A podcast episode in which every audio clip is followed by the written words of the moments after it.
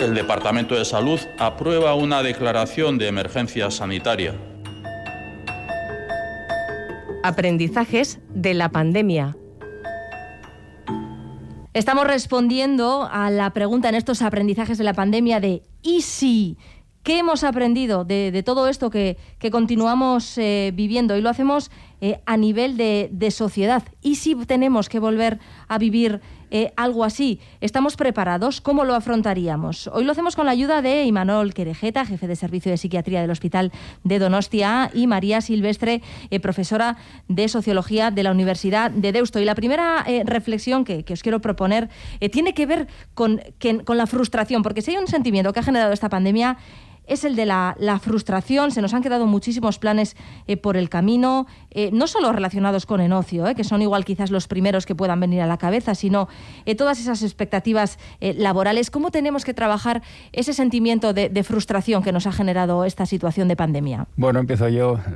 yo una reflexión que le diría a todos los que me están escuchando es que se alegren de que están vivos y de que no tienen consecuencias ni secuelas y a partir de ahí, de la suerte que hemos tenido de vivir donde vivimos y de haber nacido donde hemos nacido, pues nos permite estar en este momento en una posición que en otros sitios no pueden estar. ¿eh? Y el aprendizaje, yo creo que cada uno tiene una historia. Yo digo que la vida es constantemente aprender, por eso no debemos dejar de pasar nunca ningún episodio difícil de nuestra vida para afrontarlo, eh, aprender a aceptar lo que nos ocurre, asumirlo, adaptarnos e ir incorporando eso a nuestro, digo yo, a nuestro, a nuestro menú de opciones en ese, de la vida para que nos sirva en situaciones siguientes.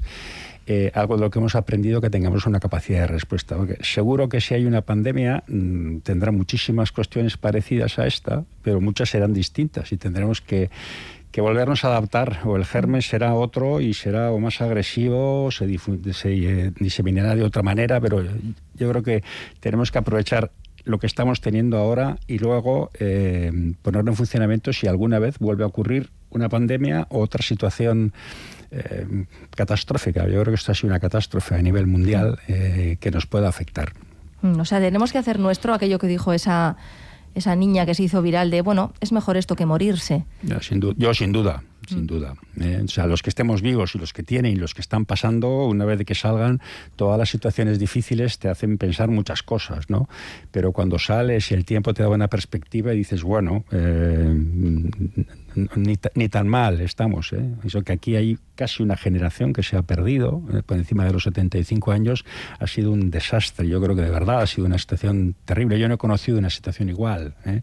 A mí cuando oí hablar a mis padres, que los dos, mis padres y mis tíos, vivieron la guerra de aquí y las consecuencias de la guerra europea, pues me recuerda aquellas cosas, ¿no? que eran todavía yo creo que más terribles. ¿no?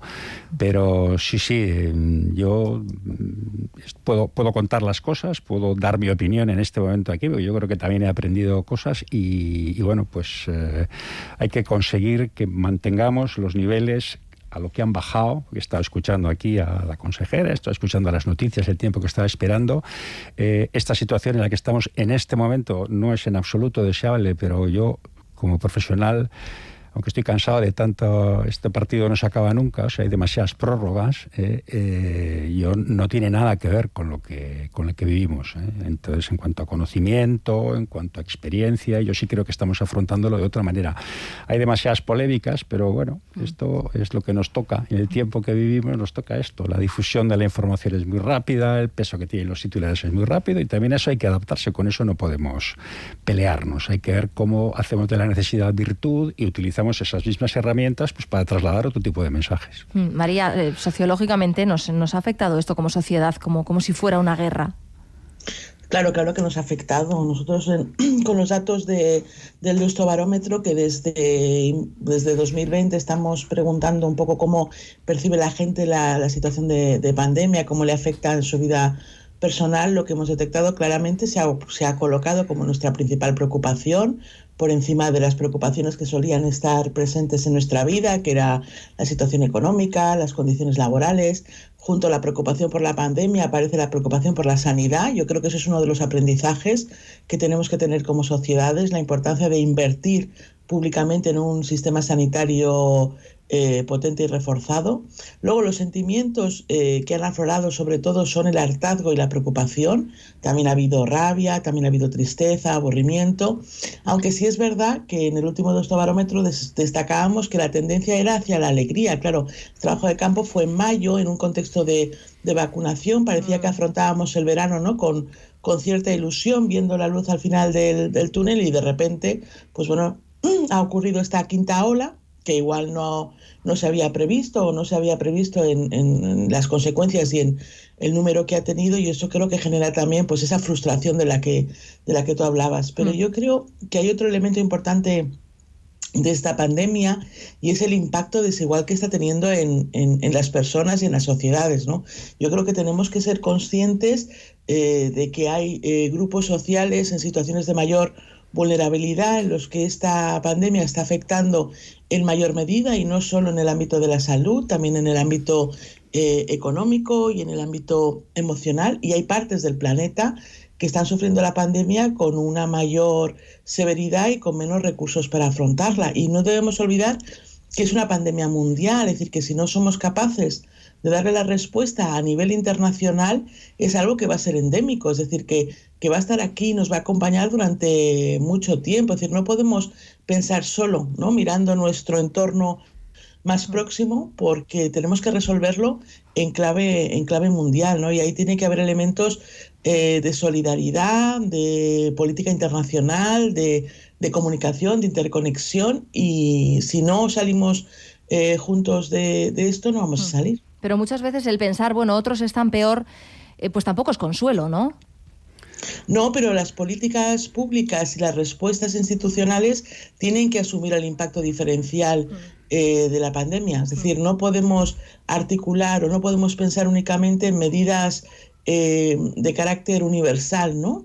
Tenemos que incidir también en el, impacto diferencial que la pandemia está teniendo en, las familias y en, las personas. Mm. El objetivo también ya lo tenemos, o sea, si, si, estamos bien y entendemos que estamos bien, ya sabemos por dónde tenemos que buscar. O sea, no. Hay un refrán que dice que mal de muchos consuelo de tontos y yo suelo decir que mal de muchos epidemia, nunca mejor dicho, ¿no?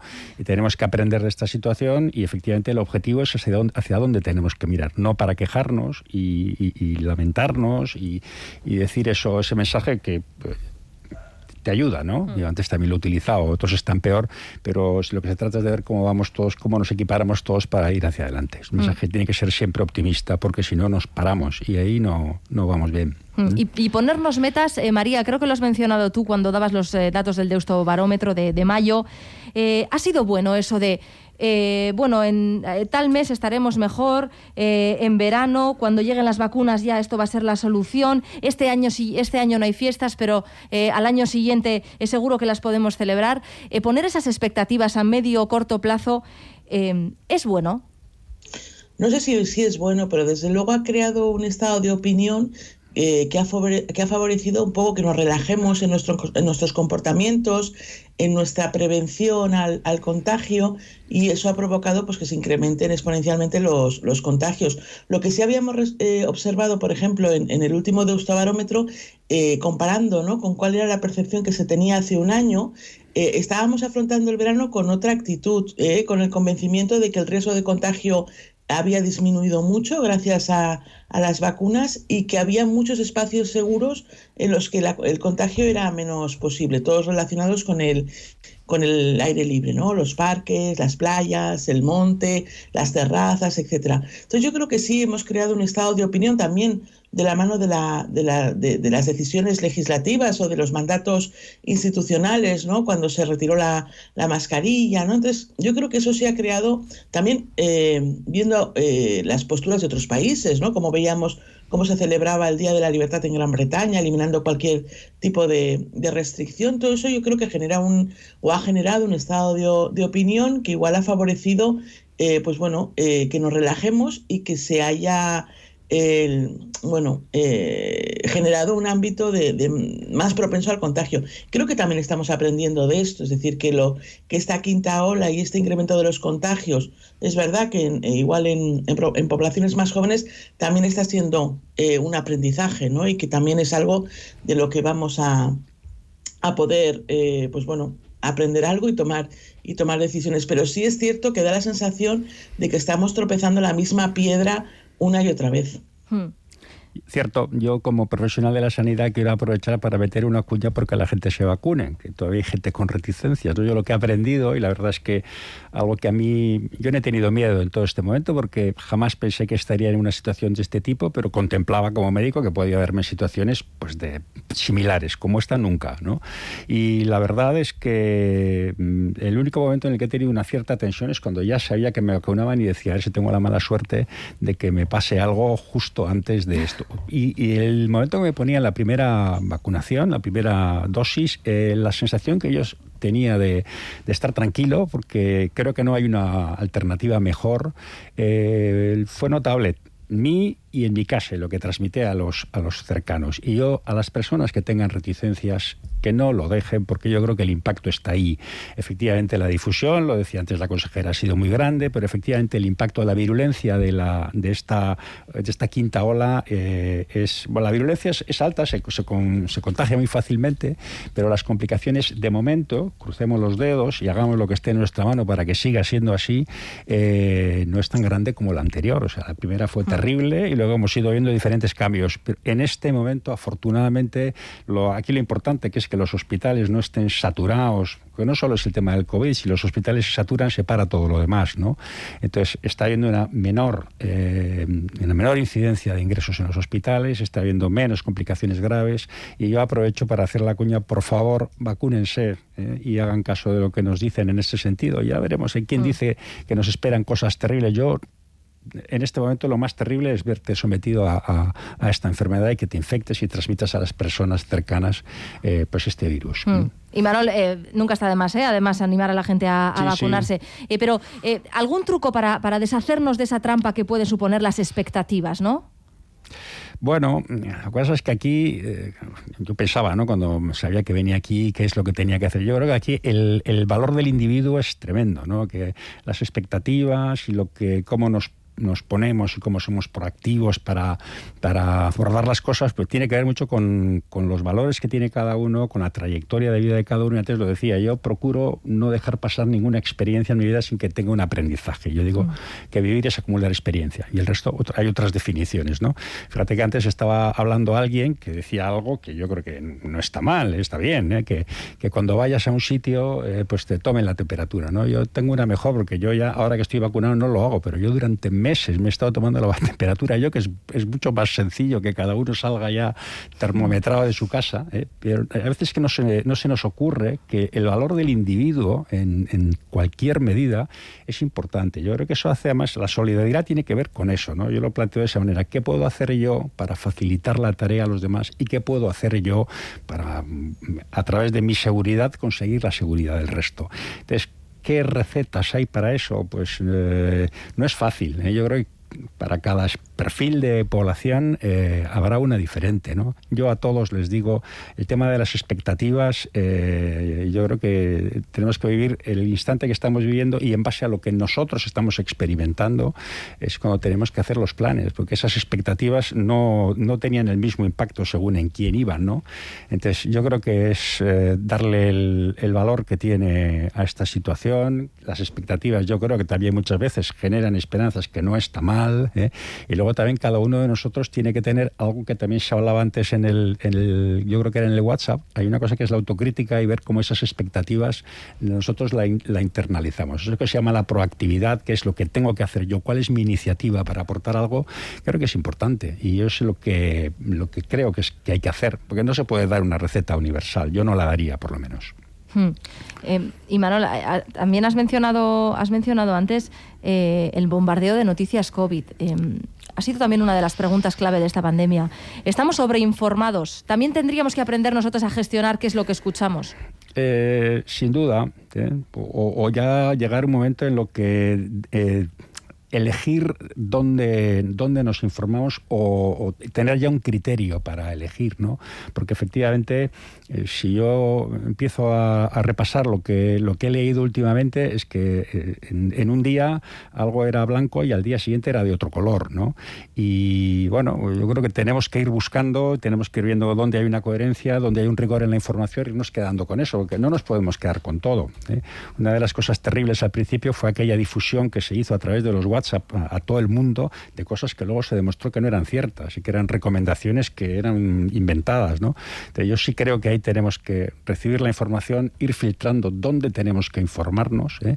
y, ir obrando en consecuencia. Hmm. No, es fácil este tema, ¿eh? porque somos, somos muchas personas y, antes decías, ¿no? hay un factor sanitario, hay un factor económico, hay un factor social.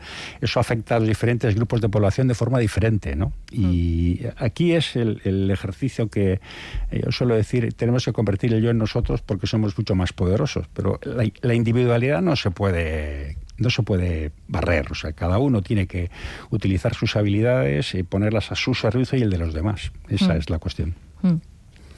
María. Sí, yo creo que hemos estado sobreinformados y seguimos estándolo. Y es importante saber gestionar la información, saber eh, seleccionar bien las fuentes, ¿no? que tengan una credibilidad, pero es verdad que esta situación de pandemia es excepcional, está copando nuestra vida eh, a, todos los ámbitos y está en todas las conversaciones, ¿no? Entonces eh, es bastante difícil restringir esa información que circula por los canales oficiales, los menos oficiales, los informales, las redes sociales, en lo personal, en lo interpersonal. Es sumamente complejo ¿no? Cómo, cómo, gestionar y cómo ordenar una, una, una, información que muchas veces se sobredimensiona ¿no? y genera también estados pues bueno, de, ansiedad, de ansiedad o de, o de preocupación. A mí eh, de esta pandemia me gustaría eh, que supiéramos sacar buenos aprendizajes ¿no? como sociedad. Y no sé si vamos a ser capaces de aprender todo lo que nos potencialmente nos está, nos está enseñando. Eso creo que todavía tendremos que comprobarlo a medio largo plazo. En el corto plazo me da la sensación que estamos aprendiendo poco.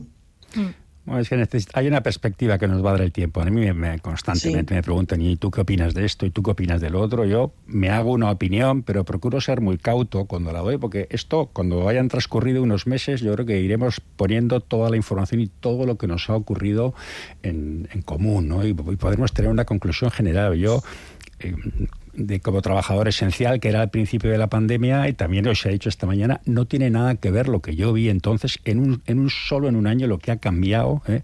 y lo hemos visto en la medida que bueno, pues se han ido repitiendo las, las otras eh, las otras olas y hemos sabido responder y hemos ido organizando todos, instituciones, profesionales, una respuesta. Y a corto plazo yo creo que va a ser difícil ir, ir haciendo un aprendizaje de calado. Yo sí creo que hay cosas que vamos aprendiendo. Y a mí se habla de, grupos de población y de jóvenes y hay personas jóvenes que igual no ven el riesgo, pero también hay personas mayores que no lo hacen, ¿no? Entonces, eh, tendremos que ver con el tiempo. Hay gente que ha aprendido a corto plazo los mínimos para poder protegernos y de aquí a unos meses sabremos efectivamente todo, si todas las medidas que se han tomado son buenas, si pudieron ser mejores, pero no para satanizar a nadie, sino para eso que preguntáis antes, vamos a meterlo a nuestro menú de opciones, vamos a meterlo a nuestro conocimiento por si surge otra vez, porque es imposible tomar decisiones sin no acertar o cometer errores o no hacerlo todo lo bien que se puede, ¿no? Pero bueno, eh, sabremos efectivamente eh, más o menos el impacto que ha tenido. Y yo no dudo de la buena fe de nadie que ponga medidas. O sea, eso vaya por delante. Y nos hemos endurecido de manera emocional, sobre todo eh, en esos primeros meses cuando la gente mayor eh, fallecía eh, en masa. No sé si tuvisteis la sensación que, bueno, pues los muertos COVID, al ser tantos, se convertían en menos números o no contaban o incluso contaban menos. Esto ha sido un drama, y sobre todo para los que lo han vivido. Yo eh, me tocó al principio tener que afrontar un, brote en mi servicio y el, tema fue bien, pero las personas que han estado en primera línea todavía hay personas que siguen estando en, tratamiento y hay un programa de ayuda COVID que organiza la casa para los profesionales y bueno, hay gente que está desarrollando lo que es un verdadero estrés postraumático con el tiempo. Eh, fue muy duro, además hay ahí lo de siempre, hay, hay individuos, hay personas a las que no les ha tocado de cerca el tener que estar con una persona que te pide por favor que no le dejes sola porque siente que se está muriendo y no quiere morir solo. Y eso, que te agarren de la mano y te pidan que le des la mano, siendo la situación que era, es terrible. A todos nos ha pasado, ¿no? Pero yo creo que ha sido, ha sido muy duro. Yo no he conocido nada igual en, en mi vida y ya cumplí los 18 hace, hace tiempo. Ni personal ni profesionalmente me ha tocado ver una situación igual. Ya veremos cómo, qué nos permite esto como sociedad y para eso tendremos que dar un, un tiempo. Yo creo que ser generosos en las valoraciones y en las críticas y sobre todo meter la información que vamos sacando para otra situación similar que pueda ocurrir. Hmm. María. No, yo creo ha sido ha sido dramático, ha sido muy duro y yo creo que de ahí sí vamos a sacar un aprendizaje que tiene que ver con cómo estamos eh, dando respuesta al cuidado de las personas mayores o, y cómo estamos dando respuesta como sociedad ¿no? a los últimos años de, de, vida de las, de las personas. Yo creo que ahí sí se ha generado o se va a generar un debate importante a nivel no solo personal, sino también social e institucional, ¿no? de cómo dar respuesta y de cómo articular esa respuesta al cuidado de las, de las personas mayores y que va de la mano también con el reconocimiento de profesiones esenciales que tienen un escaso reconocimiento social y un escaso reconocimiento económico y que durante la pandemia se han revelado eh, fundamentales, ¿no? Y que están, y además son sectores que están altamente feminizados. Estamos hablando de la enfermería, pero también de las trabajadoras sociales, de las asistentas, de la gente que trabaja precisamente en, las residencias de, personas mayores. Todo eso yo creo que sí ¿no? Eh, va, a vivir un cambio eh, como consecuencia de, pues del drama vivido ¿no? y de cómo hemos constatado ¿no? la, fragilidad y el déficit que teníamos en, en, algunos aspectos ¿no? de, la gestión del cuidado de las personas más mayores y sobre todo las, las más dependientes. Comparto esa reflexión al 100%, me parece muy acertada. Mm, así es. Pero nos hemos endurecido, y Manuel, tú tienes esa sensación, tú nos has comentado una eh, bueno, situaciones eh, límite, ¿no? Que, has estado, que has vivido eh, por tu trabajo también en esta pandemia. ¿Tú sientes que tú ahora eres emocionalmente más duro? No, al contrario. Yo creo que las experiencias vitales a mí me convierten en una persona, yo creo que más, más humana. Como todo el mundo, he tenido cambios en mi comportamiento y en mi tolerancia y yo me doy cuenta que estoy más irritable, igual no tanto como otros, pero seguramente más de lo que es habitual porque es algo que está durando mucho tiempo, es un ejercicio de adaptación que tiene tiene, eso que, yo creo que afecta mucho, ¿no? Cuando ya crees que dices, bueno, voy a cambiar de, registro y puedo seguir la adaptación de otra manera, vuelves otra vez a tener que ponerte en guardia, ¿no? En ese sentido, yo creo que me afecta como la mayoría de la gente, ¿no? Puedo estar... Eh, algo más irritable en mis respuestas. ¿eh? Pero no, a mí estoy, estoy seguro, por la experiencia personal, yo tengo que contar en primera persona lo que siento yo, porque digo que no le, no le atribuyo a nadie lo que yo no puedo hacer casi nunca, ¿no?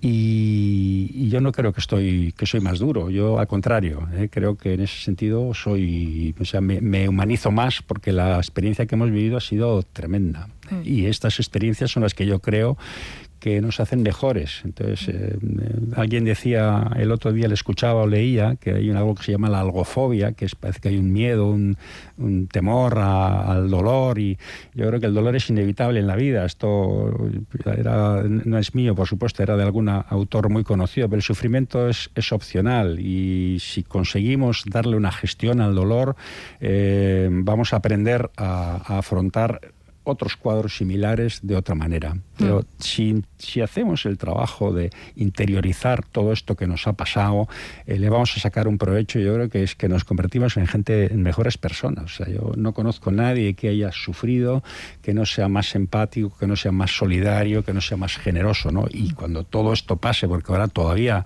todavía quema esto, ¿eh? o sea, la temperatura es muy alta alrededor de todo esto. Cuando baje la temperatura y podamos hacer otra reflexión, mm. yo espero que muchísima gente reconozca que, bueno, pues que está mejor de lo que era. Nos hemos humanizado, ¿eh? con ese mensaje nos, nos quedamos. Y Manuel Querejeta, María Silvestres, qué ricasco. Soy. Aprendizajes de la pandemia en ITV Podcast